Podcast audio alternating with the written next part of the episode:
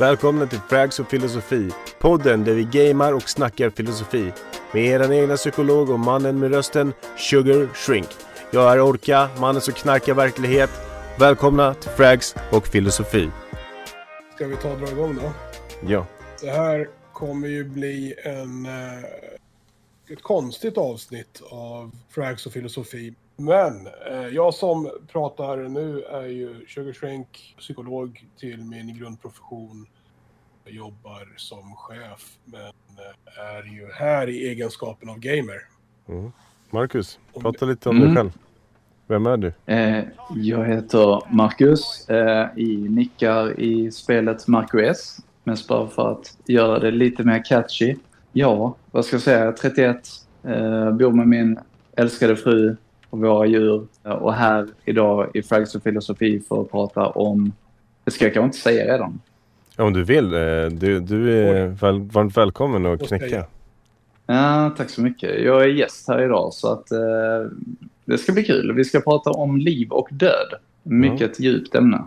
Tänk om vi till och med kunde få in livet efter döden också rent utav. Vi får se vart podden tar oss. Ja, Ja, det är, det är det vi ska filosofera om. Det är det som är ju. Orka då? Vem är du? Orka! Eh, Alexander kommer från Tyresö. Eh, en liten by, nej men en liten stad utanför eh, söder om Stockholm. Eh, här bor jag med min familj och eh, lever livet och inväntar sommaren som jag antar att ni andra också gör. Gud ja. oh yes. Vi väntar alla på sommaren. Mm. Ja, tanken med kvällens avsnitt var ju egentligen att vi skulle prata brott och straff. Och vi hade en annan inbjuden gäst. Men i sista sekund så var vi tvungna att eh, ändra upplägg. Och det blev eh, liv och död istället. Eh, vilket i och för sig är ganska passande när man sitter och spelar Call of Duty samtidigt. Som mer eller mindre går ut på att skjuta en hel del. Mm. Men det går bra det här också. Vi är ju inte främlingar för att improvisera, eller hur Orka? Det har vi gjort tidigare. Nej, eh, det är kanske ibland en nackdel att kunna snacka på som fan alltså. Men nu är det så. Mm. Vad tror ni om vi hoppar där? Blir det för tight? Eh, vi hoppar inte i mitten. Jag tänkte att vi hoppar så långt i blå som möjligt. Yes, blå, uppfattat. yes. Ja, och när vi har landat så tänkte jag komma med första frågan till er. Så får ni turas om att svara. Spännande. Det ska bli väldigt, väldigt intressant att se hur min hjärna fungerar när vi spelar samtidigt och pratar filosofi. Ja. Vi, vi, vi börjar ju bli vana vid här dubbla, att försöka liksom hålla fokus på spelet samtidigt som vi dryftar tunga filosofiska frågor. Men Ja. det är inte allt, alltså det- jag har märkt är så här, ju, ju oftare vi spelar in, desto lättare blir det. Men när det har gått ett tag är det fasen inte lätt att hålla koll på två saker samtidigt alltså. Nej, Vi är också tre män, så att det är inte så Ja. konstigt jag tänkte säga det. det är så, jag är väldigt svårt att göra två, två saker samtidigt. Men när man har tränat på det här så börjar man bli skillad på någonting liksom. Precis. Men så, Okej, Vi börjar lota oss inåt då. ja, nu har vi landat. Ämnet är ju liv och död. Och då först och främst, eh, tror ni på li- alltså, liv och död? Det är ju någonting vi har, men du sa ju innan vi började, livet efter döden. Oh, du vill hoppa dit direkt. Ja, Nej, jag skulle nog vilja vänta lite på den. Så om vi låter lyssnarna liksom smälta den karamellen lite under programmets gång. Så Ja. tänkte jag att vi börjar från födseln. ja ja, men det låter ju rätt rimligt. Eller hur? Så vi tar det liksom i kronologisk ordning. Ja, men börja där. Hur kommer livet till? Nej men alltså, vad hände in... Alltså man kan börja så. Vad hände innan Mount livet? pappa tycker väldigt mycket om Exakt. Men liksom vad, eh, vad hände innan livet liksom? Ja, men, Många tror på reinkarnation, många tror ju på... Ja. Eh, Alltså, det finns ju många filosofier. Men skulle man kunna tolka din fråga som du, som du lyfter det här nu, Marcus, som att... Eller så här, ett annat sätt att angripa samma frågeställning är när uppstår livet? Är det i samband med att man blir medveten? Ja, Är det exakt. då man skulle kunna säga att livet liksom finns? alltså, ja, alltså det börjar väl i någon eh, biologisk grej att vi föds. Och Mm. därefter utvecklas vi. Men eh, jag tänker mer på typ när börjar man kanske få andra perspektiv på livet. Ja, precis. Eh, det är väl mer för mig en fråga, typ så här, när börjar jag eh, tänka på livet i olika perspektiv? Det kan ju Men vara... då livet börjar? Eller vad Va- menar du? Nej men alltså, vi alla är ju spädbarn och eh, är eh, mer eller mindre beroende av våra föräldrar. Mm. Eller någon eh, annan vuxen gestalt. Mm. Mm. Och eh, vid tonåren så har man ju den här kända liksom, revolution, eller revolutionen att man ska kanske prova något annat än vad sina föräldrar säger. Mm. Och eh, är det då livet börjar? Eller kan man säga så? Eller oj jävlar, det var andra saker man Så kunde det beror nog på vad du menar med livet börjar. Jag tror, jag tror nog att jag och Marcus är inne liksom på en ganska strikt Biolog. biologisk definition av när livet börjar. Är du med? Ja. Och jag är nog också inne lite där på Sugars. Eh, Ja. Liksom om medvetandet. Livet, liksom. Ja, medvetandet, inte det Ja. fysiska. Exakt. Inte livet i termer av ja, men nu kan jag börja förverkliga mig själv eller lösgöra mig från mina föräldrar. ja. Eller så tänker jag i alla fall. Ja. Jag tror att eh, man får medvetenhet vid magen. Eh, så tänker jag. Det är någon här nere. Oj, här har vi folk. Sen kan man ju gå så långt också som att liksom, många tycker att livet börjar när man är 20, 30. Ja. Alltså de starterna, de perioderna i livet. Ja, exakt. Jag vill ju någonstans ha en, en tanke om livet som, ja, jag vet inte, men kanske lite mer den här biologiska. Alltså, ja, Du går vänster, jag går höger, Yes. ser ingen. jag tror Han var här precis. Han var här nyss, men det var ju ett tag de sedan. drog i det ett fordon längre bort. Ja. De hade strid här i alla fall. Ja, jo. Vem är det som skjuter? Jag sköt eh, en kille längre bort. Vi måste ha ett fordon och sticka. Jo, jo, det måste vi. Men vi, ja, där. Okej, det låg ju långt borta. Ja, men i alla fall. Tillbaka till din grundfråga då, Orka. Eh, tror ni på ett liv efter döden? Jag vill säga nej, det gör jag inte.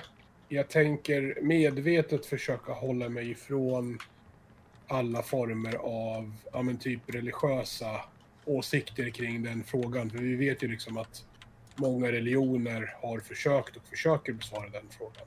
kommer en Mm. bil bakom. Vi måste hoppa in här nu. Yes. Jag fick en. Eh, men däremot så finns det ju faktiskt lite... Om vi bara håller oss till ett vetenskapligt perspektiv. Ja, Mm. Akta det röda till höger här nu. japp. Så finns det ju vissa studier som ändå styrker att vårt medvetande, apropå det här en biologisk aspekt av det här med liv och när man blir medveten, eh, Ja. fortsätter efter att hjärnan har lagt av. Så det finns, det finns ju lite sådana studier som, som eh, påvisar det. Bland annat en amerikansk undersökning bland 140 patienter. Eh, och där kunde 46% av patienterna visa på lite grann att de kommer... Oj, oj, oj, nu skjuts det på mig här. Oj, oj. Mm. Jag måste platta upp. Nej shit, jag är nere. Snabbt. Åh nej. Kan du komma innanför väggen? Ja, vi har ju eh, Awaken Demon och skriver Finns det ett hjärnaktivitet så finns det liv medvetenhet, skriver han här. Mm, Det han säger tror jag också på att eh, visst, men det är ju också den här biologiska, så fort det finns eh, ja, hjärnaktivitet, det kan vara väldigt lite alltså hjärnaktivitet. Men då är också vad är, vad är medvetenhet? Det är, Precis. då, ju- det är ju liksom en annan typ av fråga då, tänker jag. Okej, kom. Vi får besök här. Oh! Såg ni det där eller? Ja, här är en i backen här. Okej. Bra. Jag kommer. Han... eh, Jag fick eh, quadden i huvudet. Mm, Jag nickade på den. Okej, nu behöver jag definitivt plattor. Och jag har fem. Jag har bara två, de behöver jag själv. Ja, men... Ja, nu tappade jag bort mig för att vi blev beskjutna här. Ja, jag med. Ja, och det är också... Ja, här skriver Awaken Demon. Det finns ju säkert flera olika typer av eh, medvetenhet. Mm. Eh, Och det... Det kan jag ju hålla med om. Men det är också... ja, Jag har det två har plattor. gärna exemplifiera. Vad menar han med flera olika typer av medvetenhet? Ja, hörde du frågan där, eh, Awaken Demon? Ja, Marcus, jag har en platta till dig här. Ta den. Ja, perfekt. Finns en Tack. här också. Vilka kompisar. Jag vet, så är det. Tack. Vi försöker ta toppen, då kan vi sitta där och trycka lite. Mm. Nej men för, alltså jag tänker att, för man har gjort någon så här read på när uh, bebisar i magen börjar, börjar liksom förstå vad medvetenhet är. Eller alltså de Mm. börjar reagera på vad som finns runt om. Mm. Men jag tänker mer på typ Det här är en lite spacad eh, tanke men man kanske får något beslut där man säger du har ett år kvar att leva. Och eh, då liksom verkligen bejaka sitt liv. Att man säger shit, då måste jag verkligen leva livet ut. Och det har man, Ja. ju, det har man ju hört att flera så här, har ju gått sitt, hela sitt liv och typ inte riktigt gjort någonting under sitt liv. Men från ingenstans lever liksom sin bucket list. Då gör man det man börjar, som man har drömt om hela sitt liv. Innan har man liksom inte gjort det. Utan då har man bara gjort det som ska vara bra nog. Liksom. Där finner jag mig i tanken så att när man lever sitt liv och inte, all, inte haft den här äh, drömmen om, om sitt liv. Och, och det tycker jag nästan, du vet, så här, när man pratar om li, liv och död. Ja. Att ibland kan man leva livet som om man vore död. Alltså man, man gör ingenting av sitt liv som man, som man inte... Man gör inte det man vill göra. Alltså man går till jobbet, tjänar sin lön, kommer hem, går och lägger sig, vaknar. Och så gör man det liksom. Det är sitt, det är sitt liv. Det är ens liv. Men det beror också på samhällets normer ju. Det är ju det som formar hela livet. Och det är ju ändå liksom ett, ett tvång som alla människor måste ha och eh, göra med liksom. Vi måste ju ha pengar, vi måste ju ha mat och vi måste ha tid också. Ja, men det, jag, det jag tänker på är att det är, ju, det är tiden som man behöver mest beroende av liksom. Ja, precis. Hörni, eh, gasen kommer ju nu så de måste ju komma. Ja. Ja. Nej. Så vi, vi pushar redan direkt tillbaka. Vi kan ju gå ner hit och sitta och trycka lite. Han är blå. De kommer ju nu. De måste ju komma hit. Ja. Ja, shit. Ja, Åh nej. Ja, nu drar vi. Nej men och vad, vad tycker, tänker ni om den eh, tanken att, vänta här är Awaken Demon skrivit. När man växer upp så blir man mer medveten om först sig själv som människa och som sen utvecklas till ett medvetande om saker som sker runt om en. Så är det ju. Ja. Så är det ju. Jag tror, jag tror just att vad som blir krångligt när vi pratar om det här ämnet, det är liksom att det finns liksom ingen skarp grän, gräns mellan just liv och död, utan att det är någonting som är dynamiskt och någonting som utvecklas hela tiden. Ja. Mm. Eh, Det är liksom inte så här det är antingen eller, precis som du sa här Orka, om man, man, man kan vara levande men man lever sitt liv som om man vore död. Ja. Det är klart att det finns de aspekterna. Så det beror också på hur man definierar det. Alltså är man nöjd med att leva på det sättet, då är det ju Ja. livet för den personen. ja, Exakt. så är det ju. Så är det absolut. Vi har action här borta. Japp. Mm. Jag tänker att vi täcker ryggarna. Jag tar det här taket här. Sen vissa lever inte alls förrän de har gjort sin bucket list. Alltså, Ja. Ja precis, då blir det ju tvärtom än vad jag tänkte liksom att man lever ju för sin bucket list och sen när man gjort den, vad gör, vad gör man då liksom? ja, jag skulle vilja sammanfatta lite med man, det blir vad man gör det till. Ja. Marcus lever du alltså? Ja, jag lever än så länge. Jag har liksom inga, inga pengar. Som gulaschen här. Ni märker hur svårt det är att spela och, och prata filosofi samtidigt. Ja, jag försöker ändå hålla ett levande samtal, men det är svårt alltså. Exakt. Jag tänker mig att ni får hålla uppe samtalet här nu, för nu är jag själv. Är du ensam? Ja. Ja, Och jagad. Och jagad dessutom. Och, och det, så här, frågan är ju så känslig eller liksom angelägen. Just för också att tänka att det här är någonting som liksom engagerar människor väldigt mycket kring, ja, men vi vill ju gärna inte tänka på oss själva som en köttklump och sen när sen liksom när vi dör då händer ingenting, då är det bara svart Ta den killen där Mm. framför dig, Marcus. Till vänster. till vänster. ja. Där. Där. Där är, och där är, åh nej, alltså jag, jag är så jagad. Ja, du är Jag tror, på ett, jag tror på ett liv efter döden. Nej, ja, okej.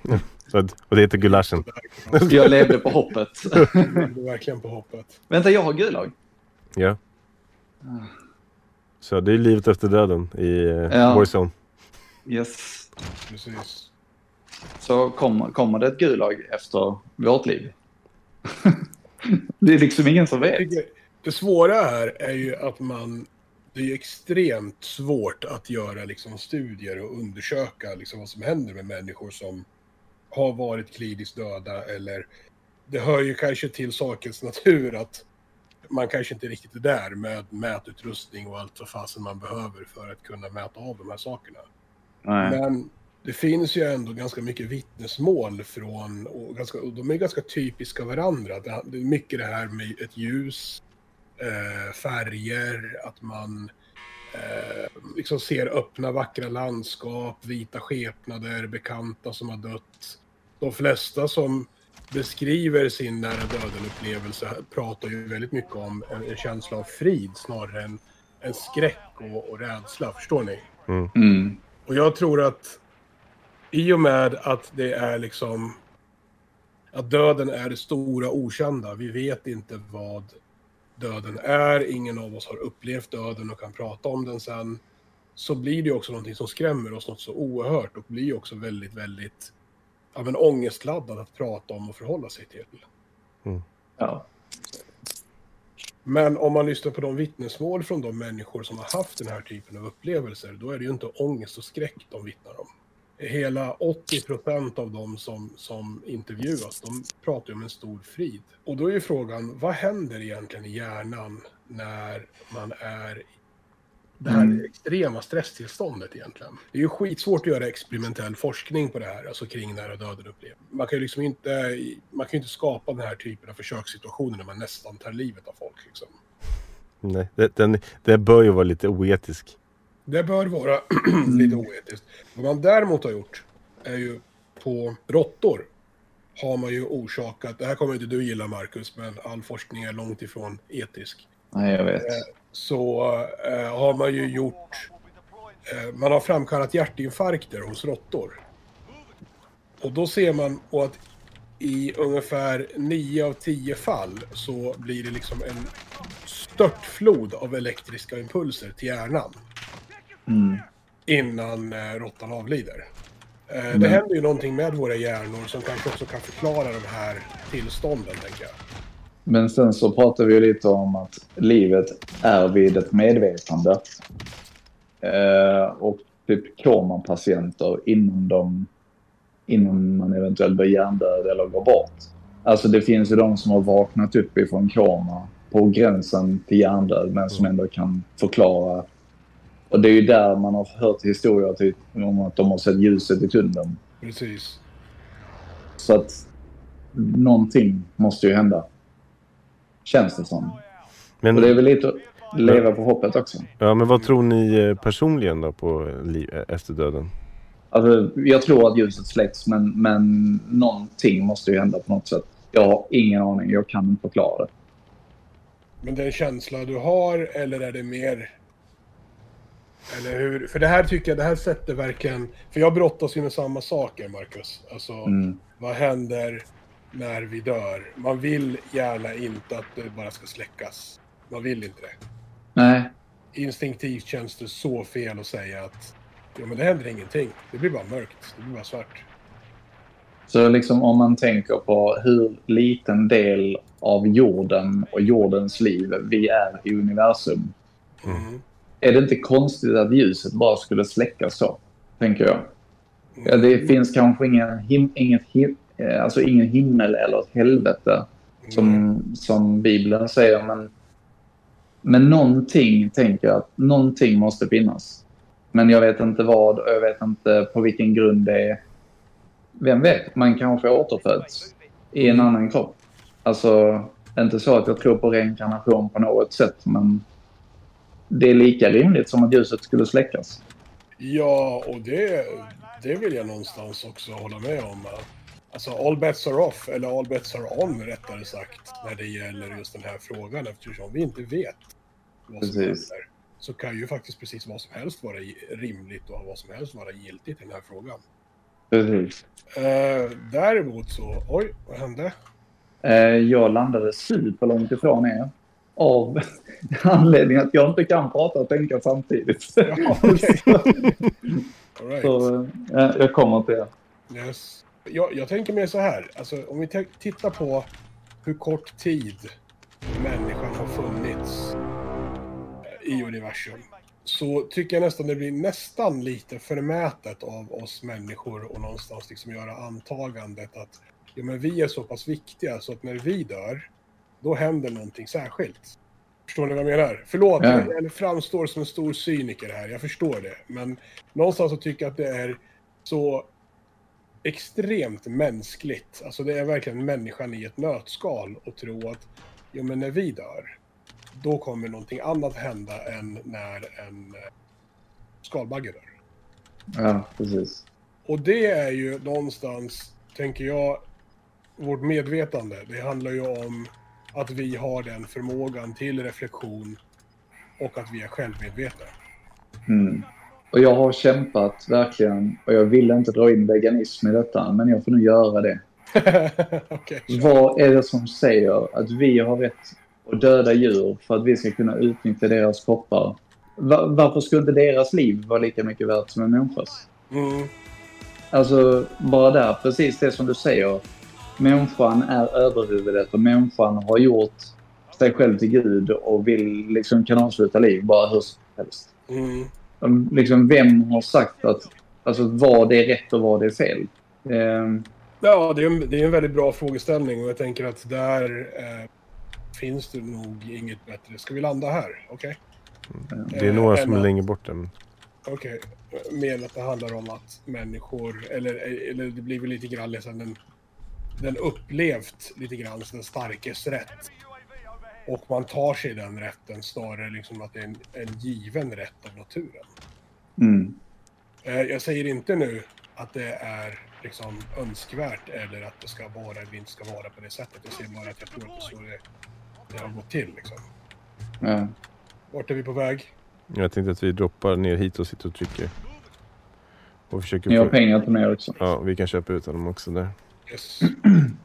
Då köper vi ut honom. Man tänker liksom att människan är den smartaste rasen. Att vi har skapat vapen, vi har skapat, vi har konkurrerat. Eh, alltså, man, man tänker att vi har, vi har gjort oss till den smarta rasen. Men vi är ändå den rasen som vi liksom, vi förstör vår enda planet som vi har. Mm, precis. Och det är, vad är det som är smart i det? Nej, det kan man väl hålla med om att det förefaller ju inte alls smart att behandla de resurser vi har som om de vore oändliga. Så är det ju. Eh, såg du vart de tog vägen eller? Nej, de är bortom oss. Här. Awaken Demon skriver jag djungelns lag, säger han. Ja, det är så många människor tänker. Jag droppar pengarna. Oh shit, vi drar ifrån. Kom. Ja, jag måste prata. Oh shit! Ja, Ta den där. sorry Marcus. Vi som skulle rädda dig ur dödens käftar, vi, eh, hamnar i gulasch. vi hamnade där själva. Ja, men jag tror på hoppet fortfarande. Så att eh, jag litar på att ni klarar detta. Här. Men här eh, drar eh, Awaken Demon... Han säger förlåt Marcus först här nu. Ja, Lika väl som en människa kan döda en älg så kan en spindel döda en människa. ja alltså om man tänker på ett eh, lejon som tar en gasell. De måste göra det för att kunna leva. Det är ju deras föda. Så där förstår jag lite djungelns lag, absolut. Men människan behöver inte göra det. Vi behöver inte ta oss rätten att avsluta liv för att vi ska ha föda. För att vi, det finns så många alternativ till växtbaserat. Men om vi ska tillbaka till ämnet då. Ja, vad tror jag efter döden? Exakt. Mm. Vi har inte fått in, vi har inte fått höra vad du tycker än. Eh, den första tanken eh, på liv och död och döden. Den kom till mig när min farfar gick bort. Och eh, efter det så blev det mycket så här, du vet, det är ju en sorgprocess. Mm. Eh, men jag tänkte då att när jag dör, då blir, kommer det bara bli svart. Eh, och än idag så tror jag på att, jag tror på att det inte finns något liv eller någonting efter jag har dött. Men, och det, den tanken får mig att verkligen spendera mina dagar med familjen och eh, med vänner på absolut de bästa sätten. För att jag vill verkligen ta vara på varje dag och jag är ju inte konflikträdd. Men jag vill vara vänlig mot andra människor. Och eh, jag, då antar jag att man är ett, ett vänligt tillbaka. Eh, och, det, och det har ju blivit då, när, efter min farfar gick bort, att det blev lite mer min livssyn. Att så här, det finns den här carpe diem, eh, men det är ju så här, fånga dagen. Men jag tänker bara fånga stunderna liksom. Att ta Mm. vara på de här stunderna som vi har tillsammans. För att vad som helst kan ju hända. Jag kan ju bli påkörd imorgon. Och eh, där finner jag mig i just livets eh, filosofiska tanke. Att det finns i att vi får, måste njuta av stunden. Och varje tugga vi har av maten, att eh, verkligen ta in det och, och njuta. Mm. Eh, Mm. Och, men, men det är också, det, det var en väldigt tråkig stund när min farfar gick bort, självklart. Men det har ju, förde med sig ändå. precis, och det var det jag tänkte säga. att Jag har faktiskt, eh, jag har ju vuxit som människa efter det. Och att, eh, Mm. ja, det finns inte så mycket i livet som gör så att vi kan vara sura på varandra så länge. Och det, Paulina kan bli lite sur på mig. Bara, att du redan gått vidare. Så jag bara, ja men det är ju ingen idé att grolla på det där. Det är helt oväsentligt. Tänk om jag skulle bli påkörd när jag går till jobbet imorgon. Och då har vi, prat, då har vi bråkat om vem som trycker ut tandkrämen på konstigt sätt. Ja. Det är oviktigt. Vi måste njuta av varandra och ta vara på ett stund vi var tillsammans. Mm. Att det, att det ligger disk i, i diskon som har legat där i två dagar och kläderna inte vikts på tre dagar. Jag kan förstå att det blir gnäll. Men det är inte lika viktigt som stunderna mellan oss två. Alltså som par till exempel. Eller Mm. som mellan mig och mina barn. Det, det är det som är det viktiga i livet. Liksom. Och det är det jag har fått tänka, tänka på livet då. Att när jag dör så är det svart och jag, alltså, jag är ju bortkopplad från världen. Så Mm. ta, ta vara av, eh, av de stunderna vi har tillsammans. Liksom. Jag gjorde ju lite ungefär den typen av insikter när min, eh, när min pappa gick bort. Alltså lite grann. Men också baserat på många av de samtal som jag och han hade eh, strax innan. Jag satt ju vid hans sida och, och vi hade de här samtalen om just allt är naturligt att man har den typen av samtal med någon som, som både jag och han vet ligger inför döden. Liksom. Hans sista ord var att han var egentligen inte särskilt rädd för att dö. Och eh, det skrämde honom inte. Han ville... Han, han hade inga problem med att dö, sa han. Men problemet han hade, det var att han inte fick leva längre. Förstår ni? Han, han sa att jag hade velat ha lite mer tid, sa han. Mm. Dog ju min pappa ganska ung, så man kan ju förstå honom. Han var ju bara 68 när han gick bort. Eh, men, men just det här att han, han sa så här att ha inte onödiga konflikter i livet, sa han. Det är någonting jag har lärt mig. Så precis det du var inne på, Orkar. Utan älska varandra istället. För att utan, utan kärlek så finns det inget liv.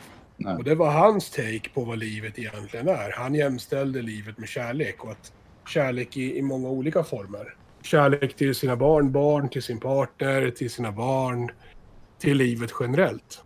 Jag vet inte om det finns ett, ett liv efter döden. Men jag vet att ett liv utan, utan den typen av kärlek till någonting, då, det tycker inte jag är värt att leva. Nej, om man inte känner kärlek till någonting, då blir det ju väldigt grått. Exakt. Och det, jag förstår det också. Ja, det blir ju oerhört, oerhört grått liksom. Men du pratade lite om tid där, att han hade, inte, han hade inte så mycket tid att leva och han hade inte fått så lång tid. Mm.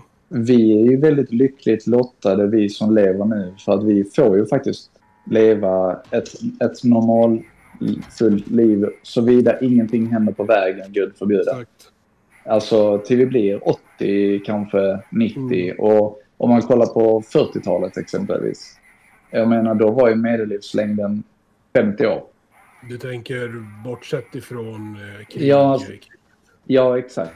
Men då var det ju liksom... Ja, alltså krig påverkar dem, men, men jag menar all den tekniken, all eh, medicinsk vetenskap, vi har, det har gjort att vi nästan lever hur länge som helst. Precis. Vilket blir ett problem i sig därför att vi har ett, ett system där vi, och nu säger jag inte att, att, det- att det är ett problem att vi håller li, människor vid liv, men det vi ser nu liksom vår, i, i vår tids decennier som vi kanske inte såg förut, det är ju de här äldre multisjuka. Det Mm. vill säga, du kan idag som en äldre människa ha ett antal sjukdomar och ändå fortsätta leva. Du kan ha högt blodtryck, eh, vara behandlad för någon, någon form av cancer, eh, kanske diabetes, alltså sådana här saker som faktiskt, om, om de inte tog livet av människor förut så förkortade de ju definitivt livslängden. Ja, precis. Och så ser det ju inte riktigt ut nu för tiden, utan vi har ju, vi kan ju, jag menar, går du till en vårdcentral och tittar på det klientelet där eh, som går liksom på sina läkarbesök så är det ju människor med ett antal olika typer av sjukdomar samtidigt. Och de lever och, och de mår bra. Mm. Men det blir också samtidigt en, en påfrestning på samhället därför att vårt samhälle inte riktigt eh, det är inte riktigt anpassat. Det är därför vi pratar så mycket om det här med födslotal och att det föds för lite människor. Och det är för att vi har ju en ständigt åldrande befolkning eh, och det påverkar liksom hur demografin ser ut generellt. Ja. Vi är alltså för få unga människor. När vi, när vi kommer till en viss levnadsstandard där medicinen är så pass bra, tekniken är så pass bra. Vi kan ta Japan som exempel, som gjorde en, en rekordresa demografiskt. Oj, oj, oj. Ja, gud. Nej, jag lyssnade på dig. Ja.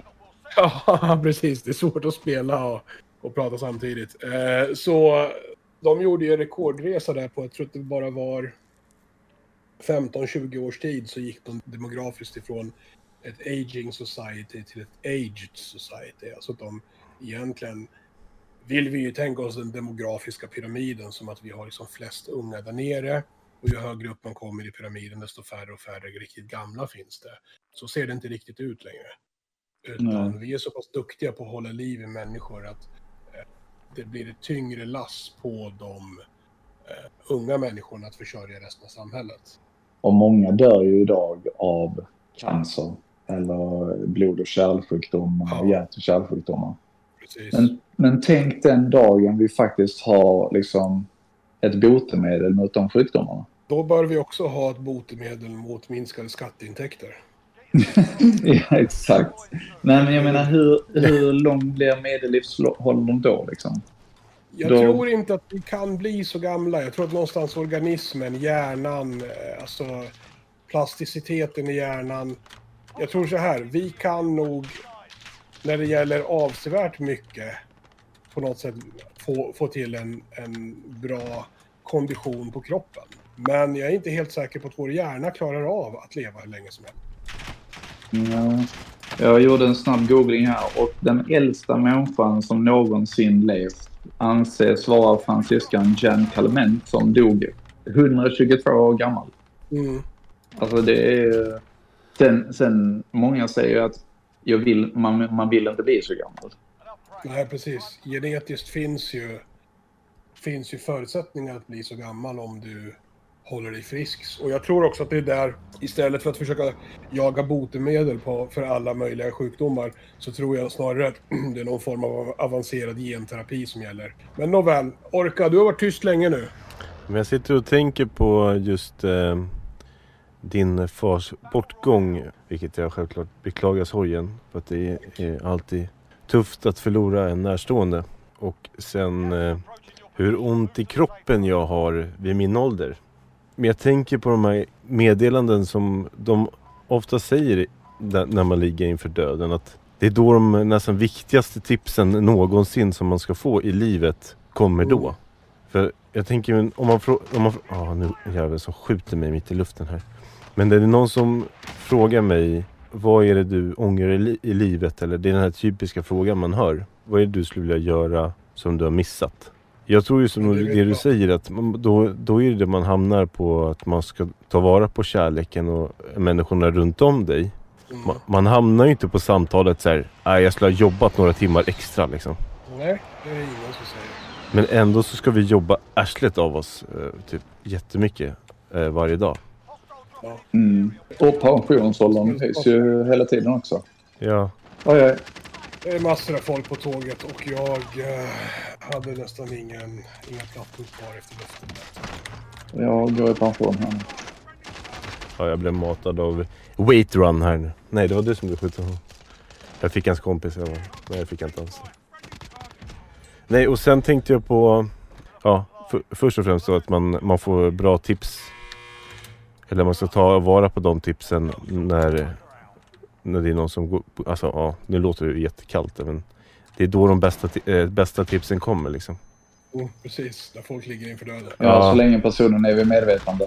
Ja. Eh, och då lämnar jag det där. Sen tänker jag på, nu är jag 34. Och eh, jag skulle säkert behöva en, en, två operationer på axlarna till exempel. Eh, det finns ju mycket som man skulle behöva. Liksom. Och, och då är då tanken så här, ja. hur, hur, länge skulle jag vilja leva med så ont i kroppen? De är där. Mm. Det är prickskytt uppe i, eh, i eh, tornet. Ja, men jag tänker på när tycker ni att livet börjar levas? Är det när man är tonåring och man börjar få liksom, revolutionera eller är det när man skaffar första partnern? Eller, alltså, när tycker ni att det är så här, nu lever jag mitt liv liksom? Är det när kärleken börjar? Är det när man flyttar hemifrån, får ett eget liv? Alltså det, det är så många aspekter på det. Så att, men för mig personligen så skulle jag nog vilja säga att det är väl när man blir vuxen och har verkligen ett eget liv. När du, har, när du inte har någon annan som sätter regler åt en. Jag är nog böjd att hålla med faktiskt. Ja. Just det där... Eh, Självständigheten. Du, ja, precis. Friheten. När du frigör dig från vad det nu kan vara som gör att Klipper du... navelsträngen. Exakt mm. så. Exakt så. Exakt. Då skulle jag nog också säga att det är då livet börjar faktiskt. Friheten. Men jag upplever då också att eh, det är som att åter, återfödas igen i eh, liksom, ja, vad kan det bli, tonåren och i livet, alltså i eh, vuxenlivet. Så att då börjar ju liksom livet om när man får barn. Man börjar tänka vidare, man börjar kanske tänka på pension, pension, vet det, pensionsspara. Just det. alltså, då, det är verkligen så här självständighet. Alltså, vad, då, då lever man ju, men då kan man också börja tänka så här. Ja, jag skulle vilja resa till den här byn i Italien. Och man börjar liksom expanda sin, eh, sin livsglädje på något sätt. Innan så är det ju så här. Mm. Ja, eh, ja, vi får se om vi kan campa på Öland i år. Eh, om vi har råd till exempel. Eh, eller, ja, men liksom, då, då är ju ändå man lever, man förväntar sig och, och väntar på vad föräldrarna tuggar deras ansvar. Och, och då lever man inte riktigt eh, eh, 100% utan då, då lever man ju efter deras bästa förmåga. Där, där håller vi med till 100% att när man väl kommer upp och blir självständig så kommer ju liksom det fria livet eller vad man ska säga. Så egentligen livet är frihet? Ska vi sammanfatta det så? Kärlek. Ja, frihet och kärlek. Frihet, kärlek. kärlek. Så flower power där blev ja. Hörrni, jag börjar känna mig klar med dagens avsnitt. Det blev som sagt lite snopet här i och med att, i och med att vi var tvungna att byta ämne så, så tvärt här bara några minuter innan streamen. Men eh, tycker ändå vi har haft ett riktigt bra samtal. Det tycker vi också. Eller jag. Ja, jag tycker eh, Marcus eh, från ingenstans eh, kliver in och levererar stenbra. Ja, verkligen, verkligen. Ja. Skulle säga att Marcus kommer att bli en återkommande gäst i vår podd efter det här. Ja, och sen mm. Marcus har faktiskt hjälpt till. Han har bestämt sig för att hjälpa eh, mig och Sugar med eh, att klippa. Eh, han har tydligen eh, bra program. Jag har ju ett liksom, filmprogram som jag klipper bort ljudet ifrån och sen sitter jag och klipper på det sättet. Marcus eh, kan det här mer än vad jag kan och då är det ju svinbra att man har någon som faktiskt kan. Absolut, jag tycker, jag tycker bara det är jättekul. Så att, eh, tack snälla grabbar för att jag fick vara med. Tack själv för hjälpen. Det är vi som ska säga tack. Ja. Um, hörni, uh, vi försöker ju att utveckla det här konceptet allt eftersom. Vi har ju en ram. Den är ju att prata filosofi och spela Call of Duty. Sen så har ju den ramen byggts på med att vi streamar samtidigt som vi spelar in en podd och vi bjuder in gäster som vi tror kommer kunna vara intressanta för just det ämnet. För att nå ut till fler så vore ju vi självklart tacksamma för ett stöd om ni följer oss på till exempel Facebook eh, eller Twitch. Där har ni Orka86 på Twitch och eh, jag finns på Facebook. Ni hittar mig under Sugar Shrink Gaming. Det är tydligen så här att Facebook har ju någon form av regel att har man över 100 följare då får man strömma i bättre kvalitet. Mm. Så att eh, Mm. jag saknar ungefär 40-50 följare där. Och Orka, du är uppe i 100 eller hur är det? Behöver du... Jag har ju inte... Jag streamar ju inte på Facebook. Eh, för att eh, ja, jag tycker att eh, Sugar får köra den delen. Eh, men vi, men vi er som tittar på den här. Nu fick jag en till följare. Så jag har fått två följare den här eh, resan som vi har fått kört nu. Roligt. Lone Wolf Grattis. 218. Och eh, Ja. ja. Kul. Så vi växer ju. Och eh, med, det, med den tanken att vi vill växa så vill vi ju gärna att ni tycker på Sugar Shrink Gaming på Facebook så att han får 100 eh, följare. På det sättet så kommer vi kunna streama bättre kvalitet. Eh, och vi har ju pratat om att skaffa en, eh, vad heter det, Instagram tillsammans. Precis.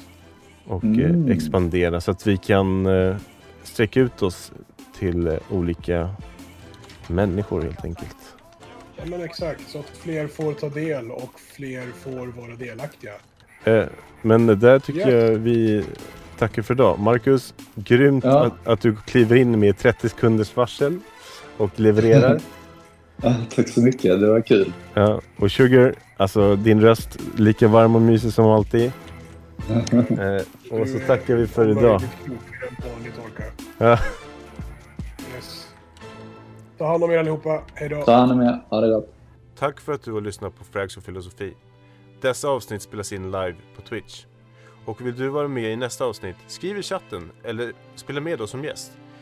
Vill du lyssna på fler avsnitt så finns vi på Spotify och på Tyresö närradio. Länk finns nedan. Tack för att du har lyssnat.